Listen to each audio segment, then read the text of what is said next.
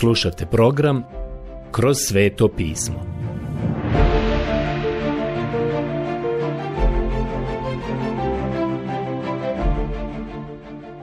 Knjiga Prva Samuelova Odlomak Prva Samuelova od poglavlja 22 do poglavlja 23 Danas dolazimo do 22. poglavlja Prve Samuelove. Ako imate Bibliju, molim vas otvorite je zajedno sa nama. 22. poglavlje. Pozadina. Ovdje gledamo nešto što mislim da je prilično divno što imam u ovom odjeljku. Prošli smo put vidjeli da je Šaul odbacio Davida. I ne samo da je bio odbačen, nego je morao pobjeći spašavajući svoj život. Šaul ga je namjeravao ubiti i došao je do velikog svećenika Ahimeleka i on je zapravo uzeo hljeb koji je bio na stolu za prikazivanje, što je bilo protivno zakonu. Ali on je to učinio. Pojeo ga je. On i njegovi ljudi. Mladići koji su bili sa njim. Tako je David živio u pećinama i jazbinama zemaljskim. On je taj o kome pisac poslanice Hebrejima govori kada spominje činjenicu da su neki heroji vjere bili u jazbinama zemaljskim. To je svakako bila istina za Davida. Lutao je u naokolo i vi ga ovdje možete vidjeti u takvim situacijama. Pisac poslanice Hebrejima još kaže za te ljude. Svijet ih nije bio dostojan. Potucali su se po pustinjama, gorama i pećinama i po zemaljskim rupama. Poslanica Hebrejima 11.38. To se sigurno odnosilo na Davida. To je bilo njegovo iskustvo. Bog ga je obučavao tokom tog razdoblja. Bio je to period od nekoliko godina. Ima onih koji smatraju da je to bilo razdoblje od deset godina. Tokom tog vremena, kao što smo prošli put naznačili, David je bio progonjen kao divlja životinja. Živio je u stalnoj opasnosti i bio je, kako on sam kaže, kao jarebica dok su ga lovili. To je način na koji on to izražava. I on vapi. Ako želite pogledati neke od psalama koje je napisao tokom tog razdoblja, onda pogledajte psalam 17. David kaže u 8. i 9. stihu sljedeće. Sakri me u sjenu svojih krila, od bezbožnika koji me nasiljem pritišću, od neprijatelja koji me opkoljuju. Zatim, u psalmu 57 u 7. stihu David kaže Duša mi prebiva među lavovima koji razdiru sinove ljudske. Zubi su im koplja i strijele, a jezik oštar mač. Ovdje vidimo da je David vapio.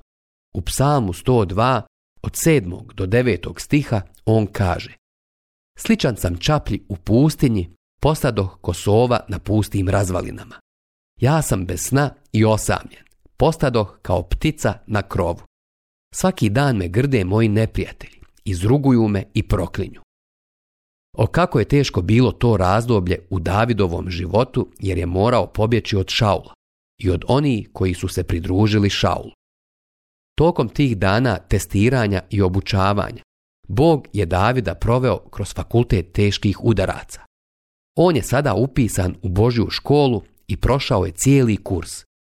On je bivši student istog univerziteta na kome su diplomirali Abraham i Jakov i Josip i Mojsije i Jošua i Ilija i Ivan Krstitelj i Savle i Starza. A svi su ti ljudi uspješno diplomirali, kao što je i sam David diplomirao na kraju. David okuplja svoje ljude. Tokom ovog razdoblja kada je u nemilosti i progonjen, David je i dalje pomazani kralj, ali ima svoje sjedište u pećini Adulam a to je bio stjenoviti planinski prevoj jugozapadno od Jerusalema u dolini između Filisteje i Hebrona. Kada ga je Šaul snažno pritisnuo, povukao se ovamo. Mnogi ljudi su došli k njemu, udružili su se s njim i postavili ga za svog vođu. Slijedili su ga vjerno do smrti, a kasnije ćete saznati da su bili nazvani Davidovi silni ljudi. Želim ponovo pročitati drugi stih ovog 22. poglavlja. U tom razdoblju David je okupio svoje silne ljude. I okupiše se oko njega svi što su bili potlačeni, zaduženi i nezadovoljni. I on im posta poglavica.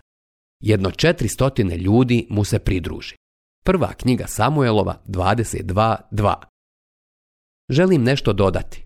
David je dozvao i okupio svoje silne ljude. Vi i ja živimo u vrijeme odbacivanja gospoda Isusa Krista i on doziva ljude k sebi. Tokom tog razdoblja David je mogao uništiti Šaula, ali nije to učinio jer mu je dopustio da radi po svome i prepustio Bogu da se nosi s njim. Isto tako bi i danas gospod Isus mogao uništiti Sotonu, ali nije to još učinio. Sotona ide u naokolo poput ričuće glava, tražeći koga da proždere. Pogledajte prvu Petrovu poslanicu 5.8. Istovremeno, tokom ovog razdoblja, gospod Isus poziva ljude k sebi. Kakva vrsta ljudi dolazi k njemu? Pa ista vrsta ljudi koja je dolazila i Davidu. Postojale su tri klase ljudi. Ljudi koji su bili u nevolji. Oni su bili ti koje je Šaul progonio i tlačio. David je dugo bio odmetnut od Šaula. Bilo je mnogo onih koji su isprva bili lojalni Šaulu, ali su na kraju i oni bili prisiljeni pobjeći. Život im je bio u opasnosti, pa su pobjegli i pridružili se Davidu. Bilo je mnogo takvih razdoblja u istoriji. Neko je rekao da će vas korupcija i nepravda u ovome svijetu učiniti ili komunistom ili kršćaninom. Ukoliko ste osjetili udarce u ovome svijetu, ukoliko ste osjetili da je to nepravedno, ukoliko ste potlačeni, i ne znate gdje da se okrenete i kome je da se obratite.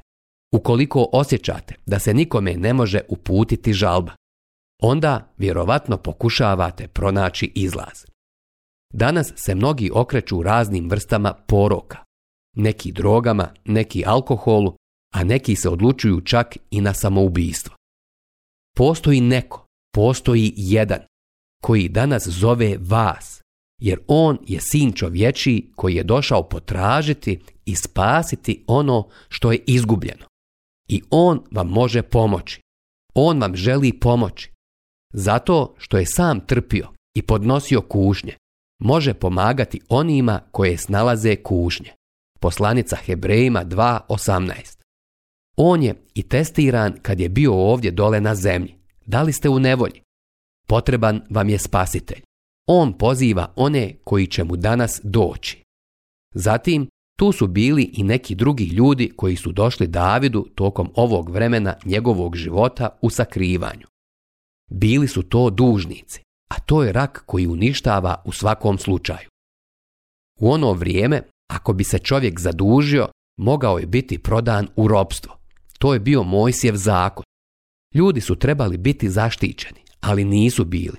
Ovaj čovjek Šaul, on je dopuštao da ljudi budu prodani u robstvo. Kao što možete vidjeti danas, grijeh nas je učinio dužnicima Bogu.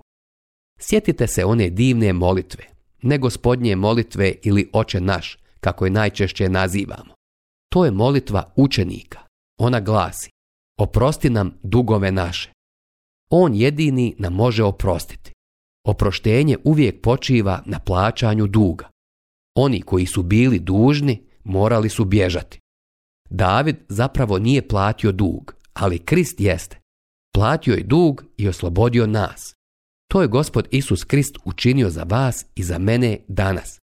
Ovo je predivan odlomak iz svetog pisma. Ljubljeni moji, možete vidjeti da govori o onome koji je platio dug i on nas je oslobodio. To važi i danas. Tako da ukoliko ste dužni i ako se danas osjećate kao da se ne možete vratiti i ispuniti standarde, a znate da ste dužnik Bogu, u redu je. On je platio taj dug umjesto vas. Možete doći k njemu. Danas možete pobjeći k njemu. Kako je to divna privilegija. Rečeno nam je, tako dakle braćo, nismo dužnici tijelu da po tijelu živimo. Poslanica Rimljanima 8.12. Mi smo sada njegovi dužnici i možemo doći k njemu. A onda je bilo onih ljudi koji su bili nezadovoljni i koji su zbog toga došli Davidu. To znači da su bili ogorčeni u duši. Okolnosti i životna iskustva su ih ogorčili.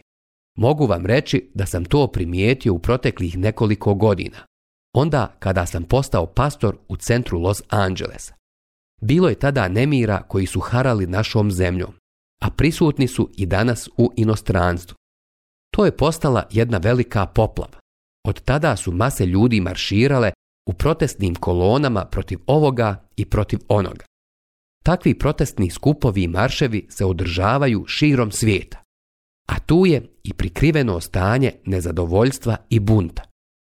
Dragi moji prijatelji, Život je danas takav da će vas sigurno učiniti ogorčeni.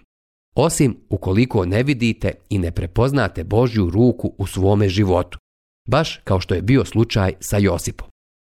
Ali postoji danas neko, postoji jedan kome možete otići. On je odbačeni kralj. Pravedniji je od bezbroj drugih. On kaže, dođite k meni, svi koji ste umorni i opterećeni, ja ću vas okrijepiti. Pogledajte evanđelje po Mateju 11.28. On kaže, tko je žedan, neka dođe k meni. Evanđelje po Ivanu 7.37.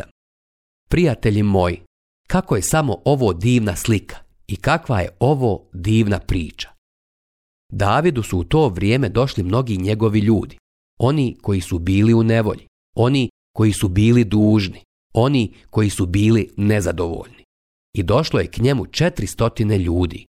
I danas gospod Isus Krist poziva s ovog svijeta ljude da dođu k njemu. Kakvu samo sliku imamo ovdje? Mi sada nastavljamo ovu priču o Davidu i njegovim godinama koje je proveo u lutanjima.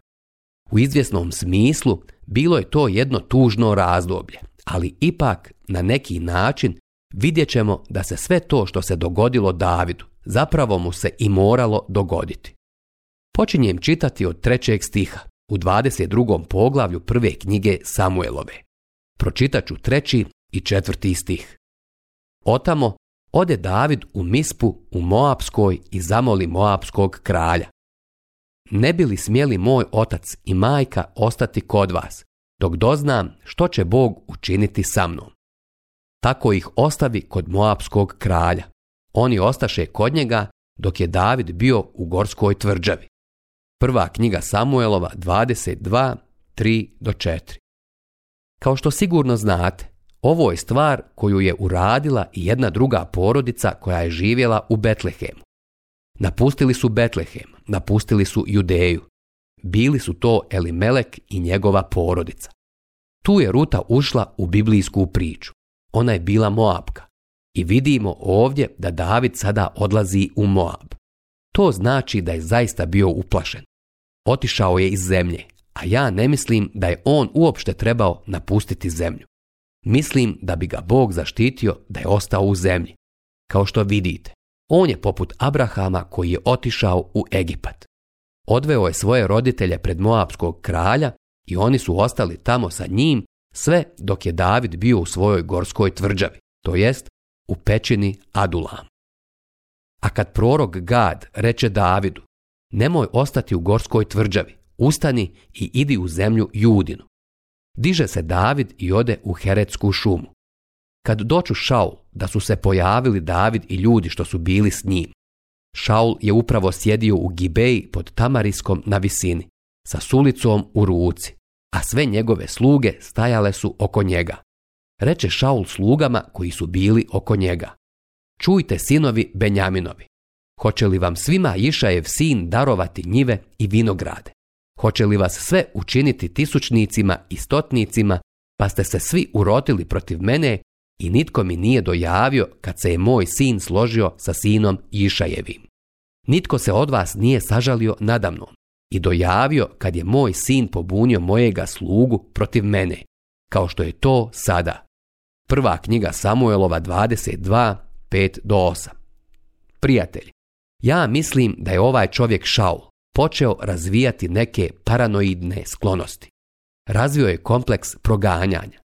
Možda bi ga trebao imati, jer je otkrio da mu vlastiti sin nije bio lojalan i pitao se zašto mu ovi ljudi koji su bili njegovi podređeni to nisu dojavili. A očigledno je da nisu. Šaul ubija sveštenike Božije. Ovdje se ponovo spominje čovjek koga smo ranije vidjeli tamo na mjestu gdje je David prvobitno pobjegao. Taj čovjek je bio tamo kada je i David bio tamo. Ovdje u devetom stihu rečeno nam je sljedeće.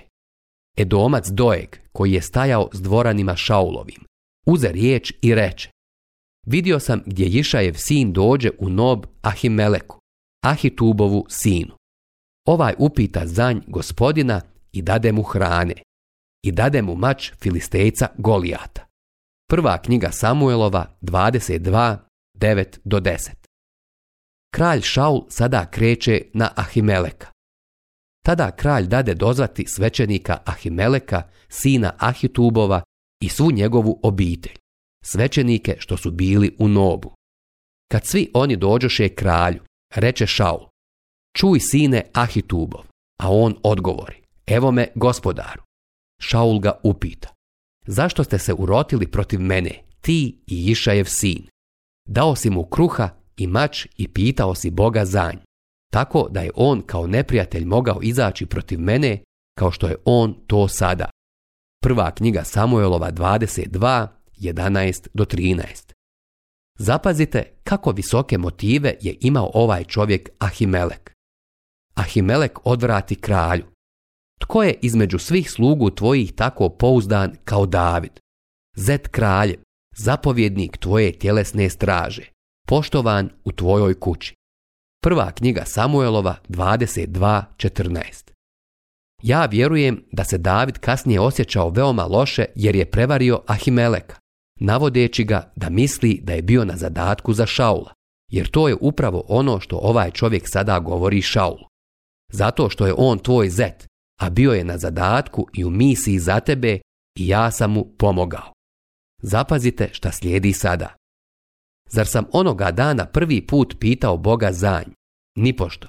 Neka ipak kralj ne podmeće ništa svojemu sluzi i cijeloj njegovoj obitelji, jer tvoj sluga nije od svega toga ništa znao. Kao što vidite, on je vrlo pošten. Ali kralj odvrati ti moraš umrijeti Ahimeleče, ti i sva tvoja obitelj. I kralj zapovijedi slugama što su stajali oko njega. Hajde, pogubite gospodnje svečenike. jer su i oni pomogli Davidu i nisu mi javili, premda su znali da je on bio u bijegu. Ali su se kraljeve sluge skanjivale podići ruku da pogube gospodnje svečenike. Oni su oklijevali, ali Šaul je otišao toliko daleko u svome buntu i grijehu da se nije htio zaustaviti ni pred čim. Tada zapovjedi kralj Dojegu, hajde, pogubi ti svećenike. Ovaj Edomac će to i učiniti. I Idumejac Dojeg pristupi i pogubi svećenike. 85 ljudi koji su nosili laneni oplečak pobi onoga dana. Prva knjiga Samuelova 22, 15 do 18. Ovo je bila veoma ozbiljna stvar koju je on učinio. Ovo je bio užasan zločin za kralja Šaula. Da ga Bog nije odbacio do ovog trenutka, onda bi to zasigurno učinio sada. Dalje nam je rečeno sljedeće. Svečenički grad Nob pobio on oštricom mača. Ljude i žene, djecu i dojenčad, goveda, magarce i ovce pobi oštricom mača. Prva knjiga Samuelova, 22.19. Kao što možete ovdje da vidite, Šaulova gorčina i osvetoljubivost su bile strašne. Želim vam reći da postoji nešto čega se danas moramo čuvati. Sjećate se da apostol Pavle govori o malom korijenu gorčine, koji lako može ući u srca Božijih ljudi. A kada se to dogodi, onda je to opaka i užasna stvar. Vidio sam to u mnogim crkvama. Vidio sam neke ljude i neke sluge kako koriste svoju službu, ali ne da bi proslavili Kristovo ime, već samo da bi dali oduška sebi i svojoj gorčini, svojoj osvetoljubivosti i svojoj mržnji prema nekom drugom. To može da se dogodi bilo kome, od pastora do domara crkve, bilo kom članu crkve. I to je veoma strašno. To je upravo ono što se dogodilo u ovom konkretnom slučaju o kome čitamo ovdje.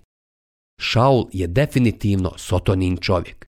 To je razlog zbog koga ne možete biti previše sigurni u neke ljude danas koji su aktivni u gospodnjoj službi, posebno kada ih vidite da su motivisani takvom opakom gorčinom srca i duše.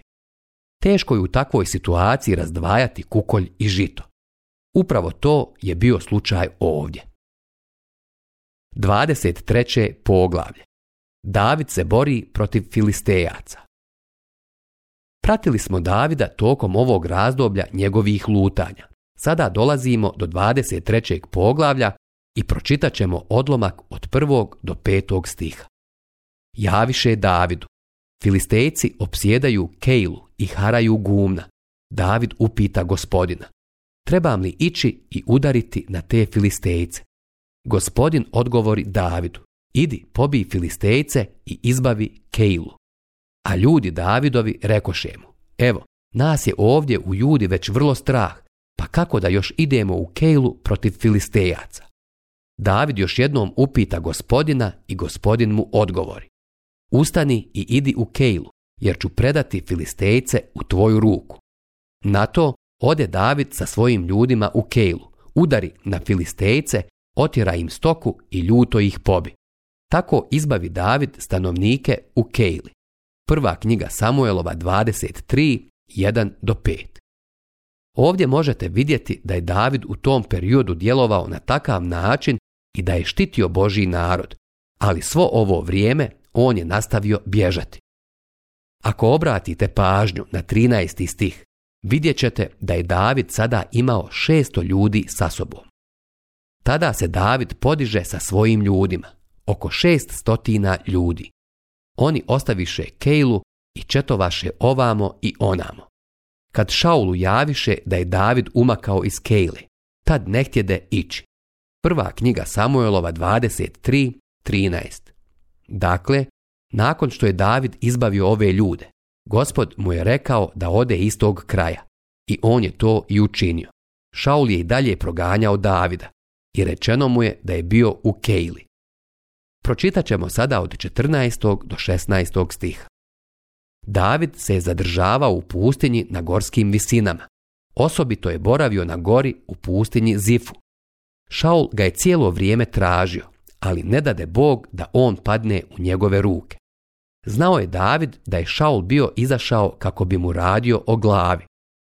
Dok se je David nalazio u Horši u pustinji Zifu, Podiže se sin Šaulov Jonatan, ode k Davidu u Horši i ohrabri ga u Bogu. Prva knjiga Samuelova 23, 14 do 16. Zapazite koliko je Jonatan bio vjeran i iskren prema svome prijatelju Davidu. On mu je u to vrijeme rekao, nego ćeš ti postati kralj nad Izraelom, a ja ću biti drugi za tobom. I moj otac Šaul to zna, Prva knjiga Samuelova 23.17. Rekao je, moj otac Šaul zna šta će se dogoditi, ali se bori protiv toga. On je naravno protiv Božije volje ovdje. On je u buntovništvu protiv Boga. Ali Jonatan je voljan da bude poslušan Bogu. I usput još da kažem, Jonatan ovdje otkriva da je veliki čovjek. Ja ga smatram velikim čovjekom. Njegov stav i djelovanje zapravo nas podsjećaju na Ivana Krstitelja koji je za gospoda Isusa rekao On mora rasti, a ja umanjivati se. Evanđelje po Ivanu 3.30 Ovdje smo dakle mogli vidjeti da je David bio u bijegu. Pročitat ćemo sada 18. stih. Tada sklopiše oba savez pred gospodinom. David je ostao u Horši, a Jonatan se vratio kući. Prva knjiga Samuelova 23.18. Tako se David skrivao, a mi ćemo ga sljedeći put nastaviti pratiti. Naše proučavanje ćemo sljedeći put nastaviti od 24. poglavlja. A do tada, ljubljeni moji, neka vas Bog obilno blagoslovi.